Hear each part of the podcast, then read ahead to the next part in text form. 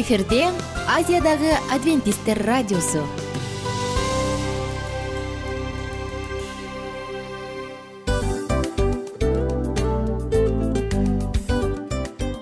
Достор салют. Баардык сүйүктүү угармандарыбызга салам айтабыз. Кутман күнүңүздөр менен.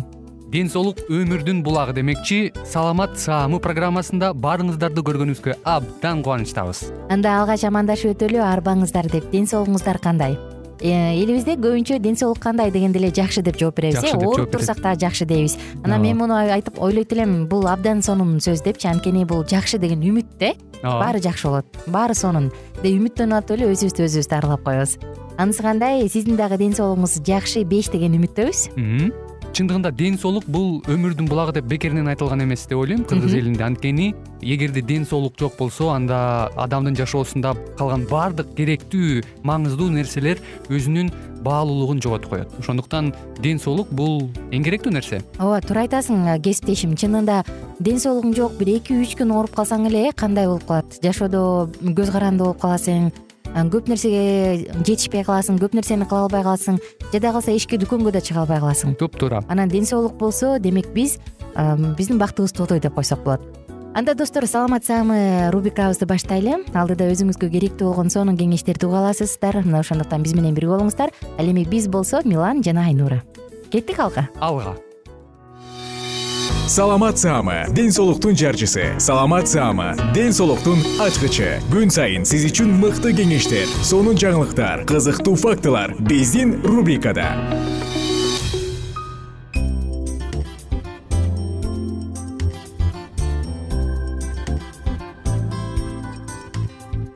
Салют достор айымдар жана мырзалар баарыңыздарга салам айтабыз. Бүгүнкү тема эс тутумду кантип жакшыртыш керек мындай болду эле. Бир жакка баратып жолдон эстейсиң да ии документимди унутуп калган турбаймынбы телефонум калып калган турбайбы акчам калып калган турбайбы деп. Же дагы бир нерсе. Же болбосо кайсы бир адам менен таанышып эле карасаң атын билип калдың эстеп калдың. Бирок бир аз убакыт өткөндөн кийин таптакыр атын эстей албай ыңгайсыз абалда каласың. Мындай учурлар болду эле. Ооба менде көп эле болгон мындай учур. Анан өзүңдү бир бир нече жаштагы апа элестетип кетесиң э? Мындай сизде да болсо керек биздин эс тутумубуз негизи бизге ишенимдүү эле кызмат кылат. Бирок кээде ал бизди уят да кылып коет. Демек эс тутумду жакшыртыш керек. Бирок кантип? Кандай ыкмалар иштейт кандай ыкмалар иштебейт? Бүгүнкү программа дал ушул жөнүндө. Ошондуктан биз менен бирге болуңуз жана эстеп калыңыз.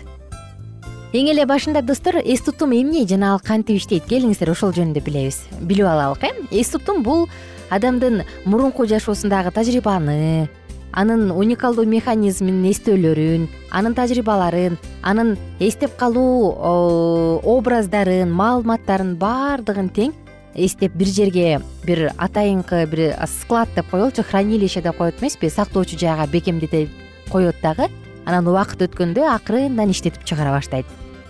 Жана эс тутум кыска жана узак мөөнөттүү болот. Эң эле биринчи кезекте кыска мөөнөттүү эс тутум ишке киришет мисалы сиз курбуңуз менен сүйлөшүп атканда ал айткан сөздү дароо эле кайталап коесуз бирок жарым саат өткөндөн кийин деги эле эмне жөнүндө сүйлөшкөнүңөрдү эстей албай каласыңар. Анткени кыска мөөнөттүү эс тутумдун объему өтө аз. Кыска мөөнөттүү эс тутум бул убактылуу эле сактоочу жай. Анан ал маалыматтардын баардыгын фильтрден өткөрөт дагы узак мөөнөттүү эс тутумга өткөрүп берет жана узак мөөнөттүү эс тутум болсо тескерисинче ал көпкө сактайт. Керек болсо кээде өмүр бою сактап калат. Идеалдуу болот боло турган болсо анда узак мөөнөттүү эс тутум эс тутумга маанилүү маалыматтардын баардыгы түшүш керек. Анан алар кийин өмүрүңдө жашооңдо керектүү боло тургандай болушу керек. Эми достор дал ушул кыска мөөнөттүү менен узак мөөнөттүү эс тутумдун ортосунда оперативдүү эс тутум бар ал болсо мындай да эртеңкиге чейин же отчетту тапшырганча экзаменди тапшырганча ошол эле учурга чейин сактайт дагы андан кийин болду унутуп калат. Мисалы байкасаң керек э? Экзамен бергенче баарын жаттайсың жаттайсың экзамен бергенден кийин болду баары тең унутулуп калат. Мына бул дал ушул жогоруда айтылган оперативдүү эс тутум эми болсо достор келиңиздер.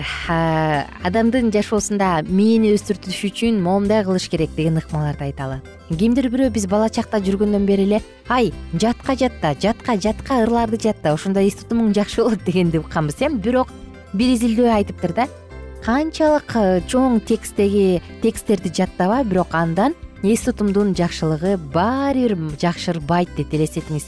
Бул жардам бербейт экен андан сырткары сөздөрдү тескерисинен арттан алдыны көздөй окуган же тескери окуган дагы тренировка машыгуу эс тутумду машыктырат дешкен. Жок достор бул машыктырбайт экен тескерисинче мындай ыкма мээни травмага алып келет. Анын эң алгачкы маалыматты кабыл алуусун төмөндөтөт жана нейрондорду ашыкча стресске кабылтат ошондуктан абайлаңыз андай нерселер менен машыкпай эле коюңуз кээде мындай дешет э? Интеллектуалдык көнүгүүлөр мисалы кроссворд толтуруу же шахмат ойноо дагы мээнин нейрондорун узак жашартат дейт. Жок достор мындай эмес экен. Тескерисинче адам алтымыш жаштан өткөндөн кийин колдон келишинче интеллектуалдык эмес а дене көнүгүүлөрүн жасаш керек экен өзүнө ылайыктуу. Ошондо мээге кислород көбүрөөк жетет дагы ал жакшы иштеп жакшы эс тутум бекем боло баштайт. Кызык бирок мунун баардыгы чындык албетте достор алтымыш жаштан өткөндөн кийин өзүңдү ушундай бир кечке кыйнап машыгуунун кереги жок. Ал жактан жүрөктүү жана муундарды эске алыш керек. Ошон үчүн болгону гана күнүнө эки үч километр жөө басып койсоңуз жетиштүү. Эми кийинкини айтсак достор мээ үчүн азык бул эмне? Кандай тренировкалар иштейт? Кандайлары жок. Колдон келишинче жөө басыңыз. Эң жакшы ыкма күнүнө отуз элүү мүнөт жөө басып койсоңуз мээге кандын келүүсү он беш пайызга жакшырат. Ошондуктан күнүнө көбүрөөк басканга аракет кылыңыз. Мындай нерсе альцгеймер оорусунун жогорулоосун дагы төмөндөтөт кийинкиси бир сааттан көбүрөөк окуңуз күнүнө. Сөзсүз эле бир акылуу нерсе эмес. Баардык каалаган китебиңизди окуңуз. Китеп окуп жаткан учурда синапстын жаңы синапстар форматташылат тагыраак айтканда мээндеги клеткалар дененин башка клеткалары менен контакт түзгөнгө аракет кылат. Ошондуктан көбүрөөк окуңуз. Үчүнчүсү клетчатка көп жеңиз. Клетчатка организмди токсиндерден гана уулуу заттардан гана тазалабастан мээнин клеткаларынын жаңылышын дагы жардам берет. Элестетип көргүлө? Ошондуктан колдон келишинче бүтүн дан азыктарын жаңгак жемиштерди жашылчаларды мөмөлөрдү боп өсүмдүктөрүн жегенге аракет кылыңыз күнүнө жок дегенде он он беш грамм. Ал үчүн жасмык чечевица деп коет эмеспизби. Чечевица жеңиз миндаль сулуу жеңиз кара өрүк мына ушунун баардыгы клетчаткага бай азыктар. Кийинки кезекте тил үйрөнүңүз.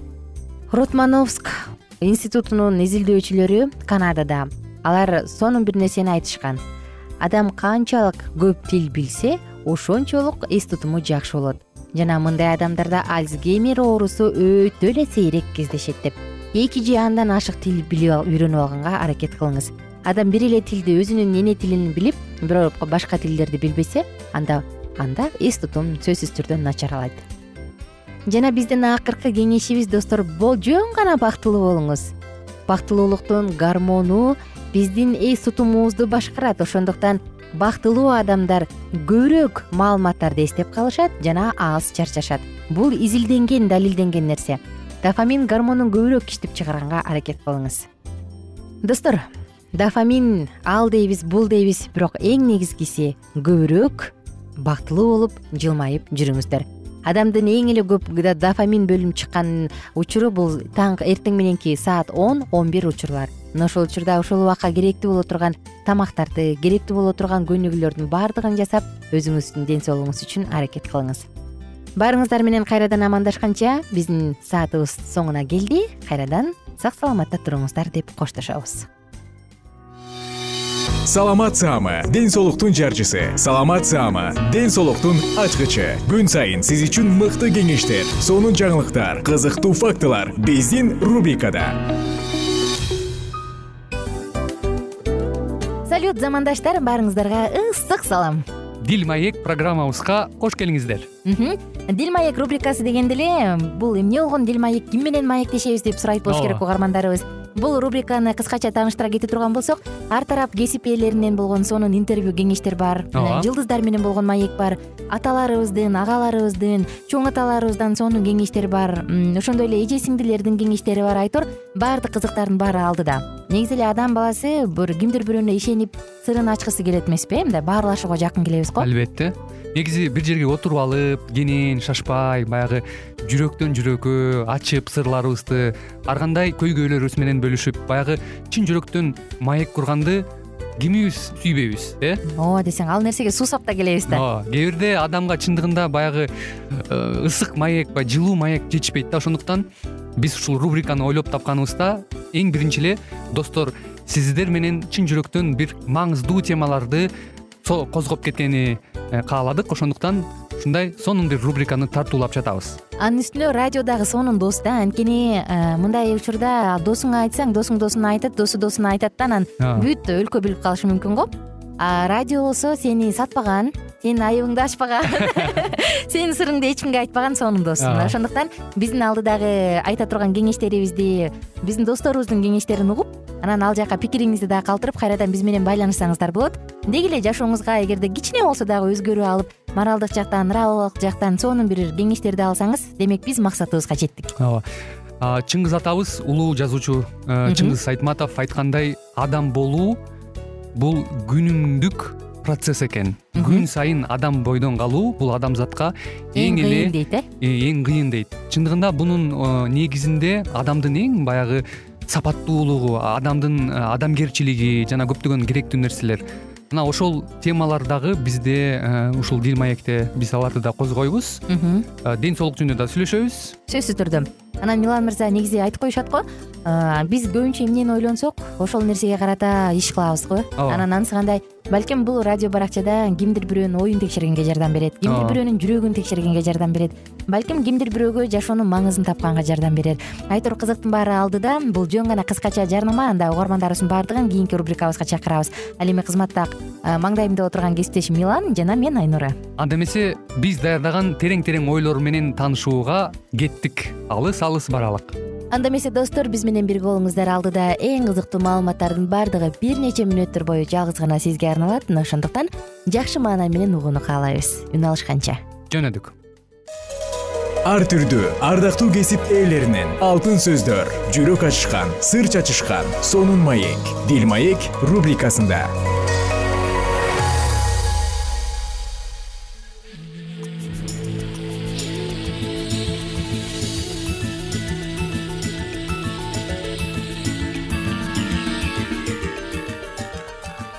салам достор. Кутмандуу күнүңүздөр менен кайрадан сиздердин назарыңыздарда биз дал ушул аба толкун аркылуу кездешип жатканыбызга өтө кубанычтабыз. Бүгүнкү программабыздын чыгарылышында биз сиздер менен сүйүү жоолугушуулар жана нике туурасында кеп кылмакчыбыз. Андыктан биздин ободон алыстабай дал ушул мүнөттөрдө сүйүү жаатында биз менен биргеликте болуңуз. Алгач эле берүүбүздө биз. Сүйүү издеген адам жөнүндөгү чыныгы окуя туурасында баяндап бермекчибиз. Бул окуя бир жаш жигиттин жашоосунда болуп өткөн сулуу акыл эстүү шайыр дене бою төп келишкен. Бул менин сүйүктүү кызым деп баштайт ал өзүнүн окуясында. Мектепте окуп жүргөнүмдө мен токтоо тынч бала көрүнчүмүн. Бирок менин ички жан дүйнөмдө болуп жаткан көп нерселер айлана чөйрөмдөгү адамдарга байкалчу деле эмес. Ички жан дүйнөмдө сүйлөшкөн кызым жөнүндөгү ойлор көп эле. Менин досторум дагы мен сыяктуу эле сүйлөшкөн кыздарды тапкылары келишчү. Баардык балдардай эле мен дагы сүйлөшкөн кызымдын сулуу акыл эстүү шайыр дене бою келишимдүү болушун каалачумун балдар менен чогулуп отурганыбызда сөздөрүбүздүн көбүнчөсү дал ушул кыздар туурасында болчу. Негедир сулуу кызды көрүп калсам эле дароо жүрөгүм дүкүлдөп балким ушул кыз менин сүйлөшкөн кызым болуп калаар деген ойлорго чөмүлүп кетчүмүн кээде минтип дагы элестетип жиберчү элем. Ал кыз менен кол кармашып бара жатканымды бизди көргөн досторубуздун иштери күйүп жатканын элестетип жиберчүмүн кээде ашыкча кыялдарга батып кеткенде эротикалык ойлорго дагы чөмүлүп кетчү элем ушул нерсе уламдан улам уланып отуруп жашоомдо көзүмө көрүнгөн ар бир кызды жөнөткөрбөй мен үчүн адат болуп калганымды өзүм дагы байкабай калыптырмын. Ошентип убакыт өз нугу менен өтүп жатты. Жогорудагы аракеттерге карабастан окуучулук күндөрүмдөгү сүйлөшкөн кызым деле болгон жок. Мектепти аяктаган соң бат эле студент болуп калдым. Ата энең жаныңда жок кой деген кожо ай деген ажоо жок дегендей. Башкача айтканда ээн эркин каалаган жагыңа барасың каалаган ишиңди кыласың дегендей. Мындан сырткары студенттик күндөрдө айланаңдагы сулуу кыздар толтура. Жаңы тааныштар достор окуучулук күндөрдөгүдөй эле кыз издемей адат болуп уланып жатты. Калп айтпасам жума сайын эле жаңы кыздар менен таанышып калып жаттым. Сулуу кыздарды көрүп калганымда мына ушул кыз менин сүйлөшкөн кызым болуп калат окшойт деген үмүттөр уланып жатты. Ошентип ар кандай бийкечтер менен таанышып дагы жаттым. Эмнегедир жакшылап караганда эле бир жери жакпай калат дагы анан эле ойлонуп калам. Ошентип кайрадан эле башкалар менен таанышмайлар башталат. Ошентип жүрүп бир сулуу ай чырайлуу бийкеч менен таанышып калдым. Ал кыз биз окуган университетте окучу. Ал кызды биринчи көргөнүмдө жүрөгүм дүкүлдөп башка сезимдер пайда болуп баштады кайсыл факультетте окуурун билип сураштырып жатып таап алдым. Акыры ыңгайлуу учурларды таап ал кыз менен таанышып үйүнө узатып бара баштадым. Ошентип мамилебиз тез эле жакшы нукка бурулуп кетти. Чогуу сейилдеп көбүрөөк убакыт өткөрө баштадык. Бирок мен үчүн мындай мамиле жетишсиз болуп жатты. Мен негизинен денелик жакындыкты көбүрөөк каалап жаттым. Ал кыз менен убакыт өткөргөн учурдан тартып сабактарымдан жетишпей атүгүл тамакка болгон табитим да тартпай кыскасы айтор ойлогонумдун баардыгы эле ошол кыз туурасында болуп калды. Чындап айтканда ал кыздын сулуулугу дене мүчөсү мага жакканы менен мүнөзү таптакыр жакчу эмес. Экөөбүздүн тең мүнөздөрүбүз бир башкача эле. Буга карабастан жыныстык тартылуунун күчү менен ал кызга жолугууну уланта бердим. Анткени мен жыныстык тартылууну чыныгы сүйүү болушу керек деп ойлогом. Ошентип жүрүп бир жолку жолугушуубузда денелик эркелешүүбүз чектен ашып жыныстык мамиле болуп кетти. Ал окуяда сүйлөшкөн кызымдын мага чейин дагы жыныстык мамиледе болгондугу билинип калды. Андан дагы өкүнүчтүүсү ал кыздан мага жыныстык оору жугуп калды. Венерологдун бөлмөсүндө өмүрүмдө биринчи жолу болсом да ушундай оору жугуп калдыбы деп ден дароо болуп отурганымда доктору мага врачка сен биринчи жолусуңбу же бешинчи жолусуңбу же онунчу жолу болуп жатасыңбы баары бир да ыңгайлуу шарт болсо эле жуга берет. Бул оору айыгат эң негизгиси вич оорусун жуктуруп албаганыңа сүйүн деп жоошту мына ошентип дал ошол окуядан кийин соң ал кызга болгон сезимдерим жок болуп кетти. Мамилебиз дагы токтоду. Мен баалап жүргөн ал кыздын сулуулугунун маанисин дагы жоготуп ал кызды чындап сүйбөй эле денелик жактан ырахат алууну каалап жүргөндүгүмдү түшүндүм. Жыныстык тартылууну сүйүү деп алып анын айынан жыныстык ооруну жуктуруп алдым. Мына ошентип ушул окуя чыныгы сүйүүнү жана баш кошконго чейин жыныстык мамиледе болуу туура эмес экендигин түшүнгөндүгүмдү ачык көрсөтүп койду. Ошол учурда чыныгы сүйүүнүн маанисин түшүнбөптүрмүн андан бери чыныгы сүйүү жөнүндө көп нерсени билдим. Азыр болсо чындап сүйгөн сүйлөшкөн кызым бар. Анын сулуулугун дене мүчөсүнүн келишимдүүлүгүн гана эмес ал кыз кандай болсо ошол бойдон сүйөм. Жана өмүрүмдүн баардыгын аны менен чогуу өткөргүм келет чындап эле жогоруда дал ушул э, жаш жигиттин окуясы дагы э, айрым учурда ушундай өкүнүчтүү окуялар менен дагы кайталангандыгы э, бүгүнкү учурда дагы жаштардын арасында дагы кайталанып калганга толугу менен эч ким жашоосунда кепилдик бере албайт деген дагы бир ой жаралат экен. Мисалы жаштык кезде баягы мастык болуп ушундай окуялар көп эле болот болуш керек менимче. Деги эле бул жаатта кесиптеш сен кандай дейсиң? Ошондой эле жигиттерге берилүүчү кеңеш сүйүү бул адам баласы гана сезе ала турган керемет сезимдердин бири. Бирок чыныгы сүйүүнү жыныстык тартылууга алмаштырып денелик убактылуу жыргалга гана ыраазы болуш керек. Чыныгы сүйүүнүн даамын толуктатыш үчүн чыныгы сүйүүнү көптөгөн жалган сүйүүлөрдөн айырмалай билиш керек. Сүйүү бул адам баласы гана сезе ала турган кереметтүү сезимдердин бири болот эмеспи бирок чыныгы сүйүү жыныстык тартылууга алмаштырып денелик убактылуу жыргалга гана ыраазы болбош керек. Чыныгы сүйүүнүн даамын толуктатыш үчүн чыныгы сүйүүнү көптөгөн жалган сүйүүлөрдөн айырмалай билиш керек. Мына ошентип урматтуу достор бүгүнкү берүүбүздө дагы биз сиздер менен дал ушул сүйүү жолугушуу нике жаатында дагы э, жашоодогу болгон окуялар туурасында бөлүшүп өттүк. Бүгүнкү уктурууга назар салганыңыздар үчүн чоң рахмат сак саламатта болуңуздар ар түрдүү ардактуу кесип ээлеринен. Алтын сөздөр жүрөк ачышкан сыр чачышкан сонун маек. Дил маек рубрикасында.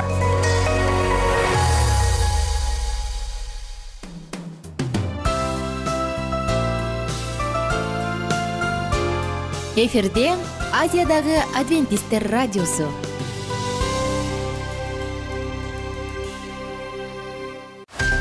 жан дүйнөңдү байыткан жүрөгүңдү азыктанткан жашооңо маңыз тартуулаган жан азык рубрикасы.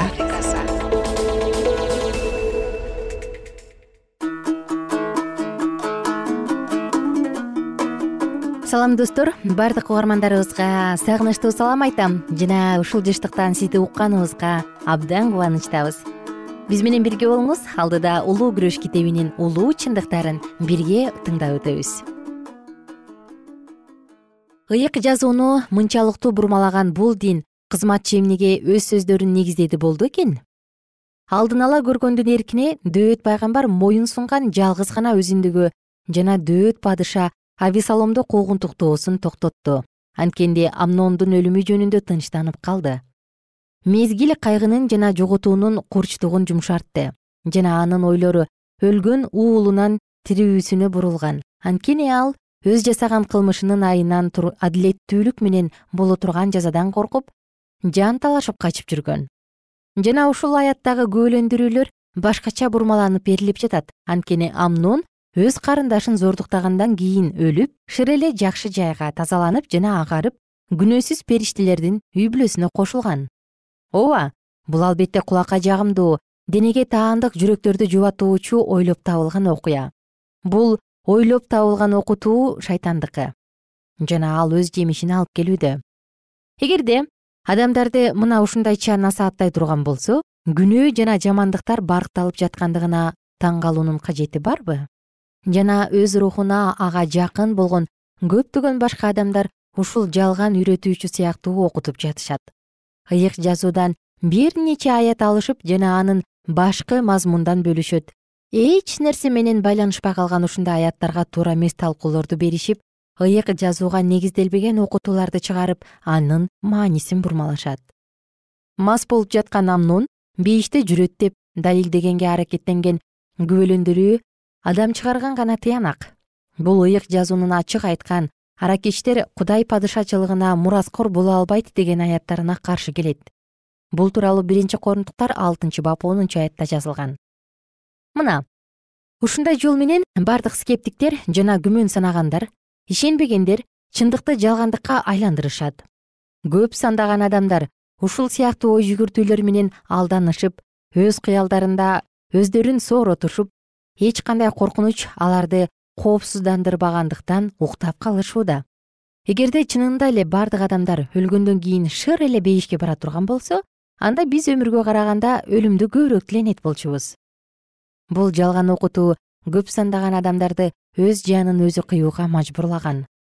Качан биз кайгы кыйынчылык жана көңүл калууларга кабылганыбызда өз өмүрүбүздүн жибин үзүп салуу жеңил сыяктуу сезилип түбөлүктүү бакыттын дүйнөсүнө барууга умтулабыз теңир өз сөзүндө анын мыйзамдарын бузуу жазага татыктуу экендиги жөнүндө таза тана алгыс далилдерди калтырып койгон эгерде кимде ким күнөөкөрдүн кылган ишине жараша тиешесин бериш үчүн теңир өтө эле ырайымдуу деп ойлоно турган болсо анда ага голгофадагы айкашкан жыгачты кароого туура келет. Айыпсыз кудай уулунун өлүмү күнөө үчүн жаза өлүм экендигин күбөлөндүрөт. Кудай мыйзамын бузган ар ким адилеттүү тиешесин алышы керек. Күнөөсүз машаяк биз үчүн күнөөлүү болуп калды ал өзүнө биздин мыйзамсыздыгыбызды алды. Жана асмандагы ата андан өз жүзүн бурган. Жана анын жүрөгү муну көтөрө алган жок. Ал өлдү. Улуу курмандык күнөөкөрдөн куткарылышы үчүн алынып келген. Адам башка эч кандай жол менен күнөө үчүн бериле турган жазадан кутула албайт. Жана ушунчалык баа жеткис курмандык аркылуу бериле турган куткарылуудан баш тарта турган болсо анда айыпты жана күнөө үчүн бериле турган жазаны өзү алып жүрүшү керек. Универсалисттердин дин кызматчысы асмандагы ыйык периштелер менен бирге жайгаштырып койгон тобо келтирбеген кайырдин адамдар жөнүндө ыйык жазуу эмне дегенин дагы бир жолу карап көрөлү. Чаңкагандарга тирүү суунун булагынан бекер эле суу берем. Бул берилген убада ким чаңкап суусагандар үчүн гана?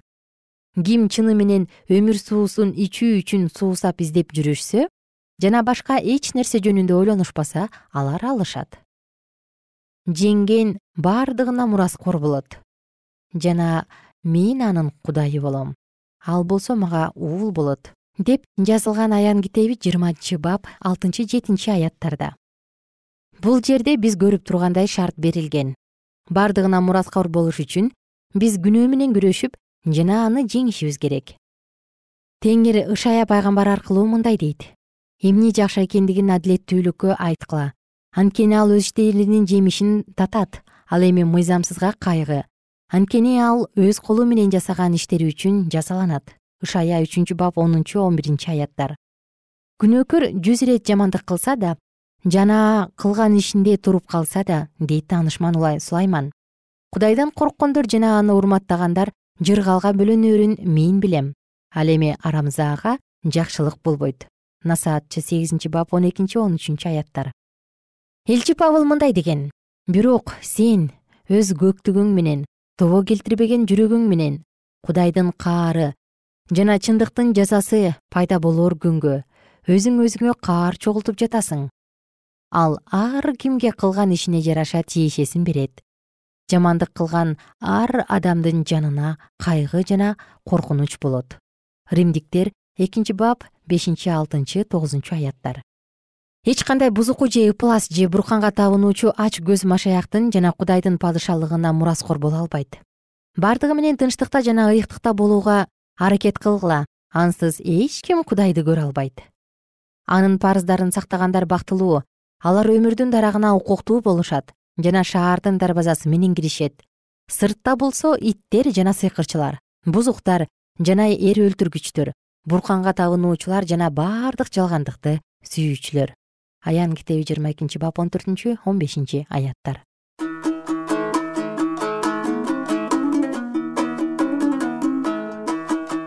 Кымбаттуу досум сиздер менен дагы да болсо кызыктуу жана маанилүү китептен үзүндү окуп өттүк баардыгыңыздар менен убактылуу гана. Коштошом кийинки алдыдагы уктурууларда кайрадан ушул жыштыктан баардыгыңыздар менен үн алышканча сак саламатта туруңуздар.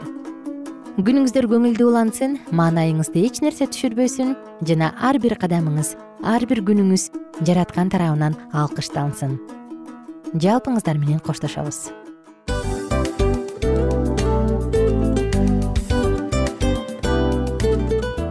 ушул менен достор программабыздын уктуруубуздун эң кайгылуу мөөнөтүнө келип жеттик. Кайгылуу дегенде ыйлагым келип кетти кесиптеш. Кадимкидей. Анткени баягы учурашасың анан коштошуу учур келгенде ии кантип ии эми бат баттан келиптир э сагындырбай деп атып араң коштошобуз го анысы кандай угармандарыбыз менен коштошчу учур келди. Кийинки уктурууларды сагыныч менен жүрөгүбүздө кусалык менен күтөбүз жалпыңыздарды анан жарым сааттык уктуруу көз ачышым канча өтүп кетти. Сөзсүз бирок бизде жакшы кабар бар. Кийинки уктурууларыбызда сөзсүз дагы кезигишебиз. Анткени биз көптөгөн сюрприздерди кызыктуу маалыматтарды жана керектүү керектүү нерселердин көбүнчөсүн даярдадык угармандарыбыздын баардыгына ийгиликтүү күн каалайбыз эгерде бүгүнкү күнүңүз өзгөчө э, өтүшүн кааласаңыз анда позитивдүү ой жүгүртүп жылмайып жакындарыңызга жакшы маанай тартуулап жүрө бериңиз анткени сөзсүз түрдө мунун арты кайтат э? Сөзсүз. Баягы ден соолугуң оңолот ал бул деп көп нерсени санап келебиз. Эң негизгиси бул сиздин жашооңузду жаркын кыла түшөт экен жараткан кудай ар бирөөңүздөргө батасын берсин жашооңуз ийгиликтүү болсун сак саламатта калыңыздар деп мен милан жана кесиптешим айнура. Баардыгыңыздар менен кийинки уктурууда үн алышканча баарыңыздарга ийгилик каалайбыз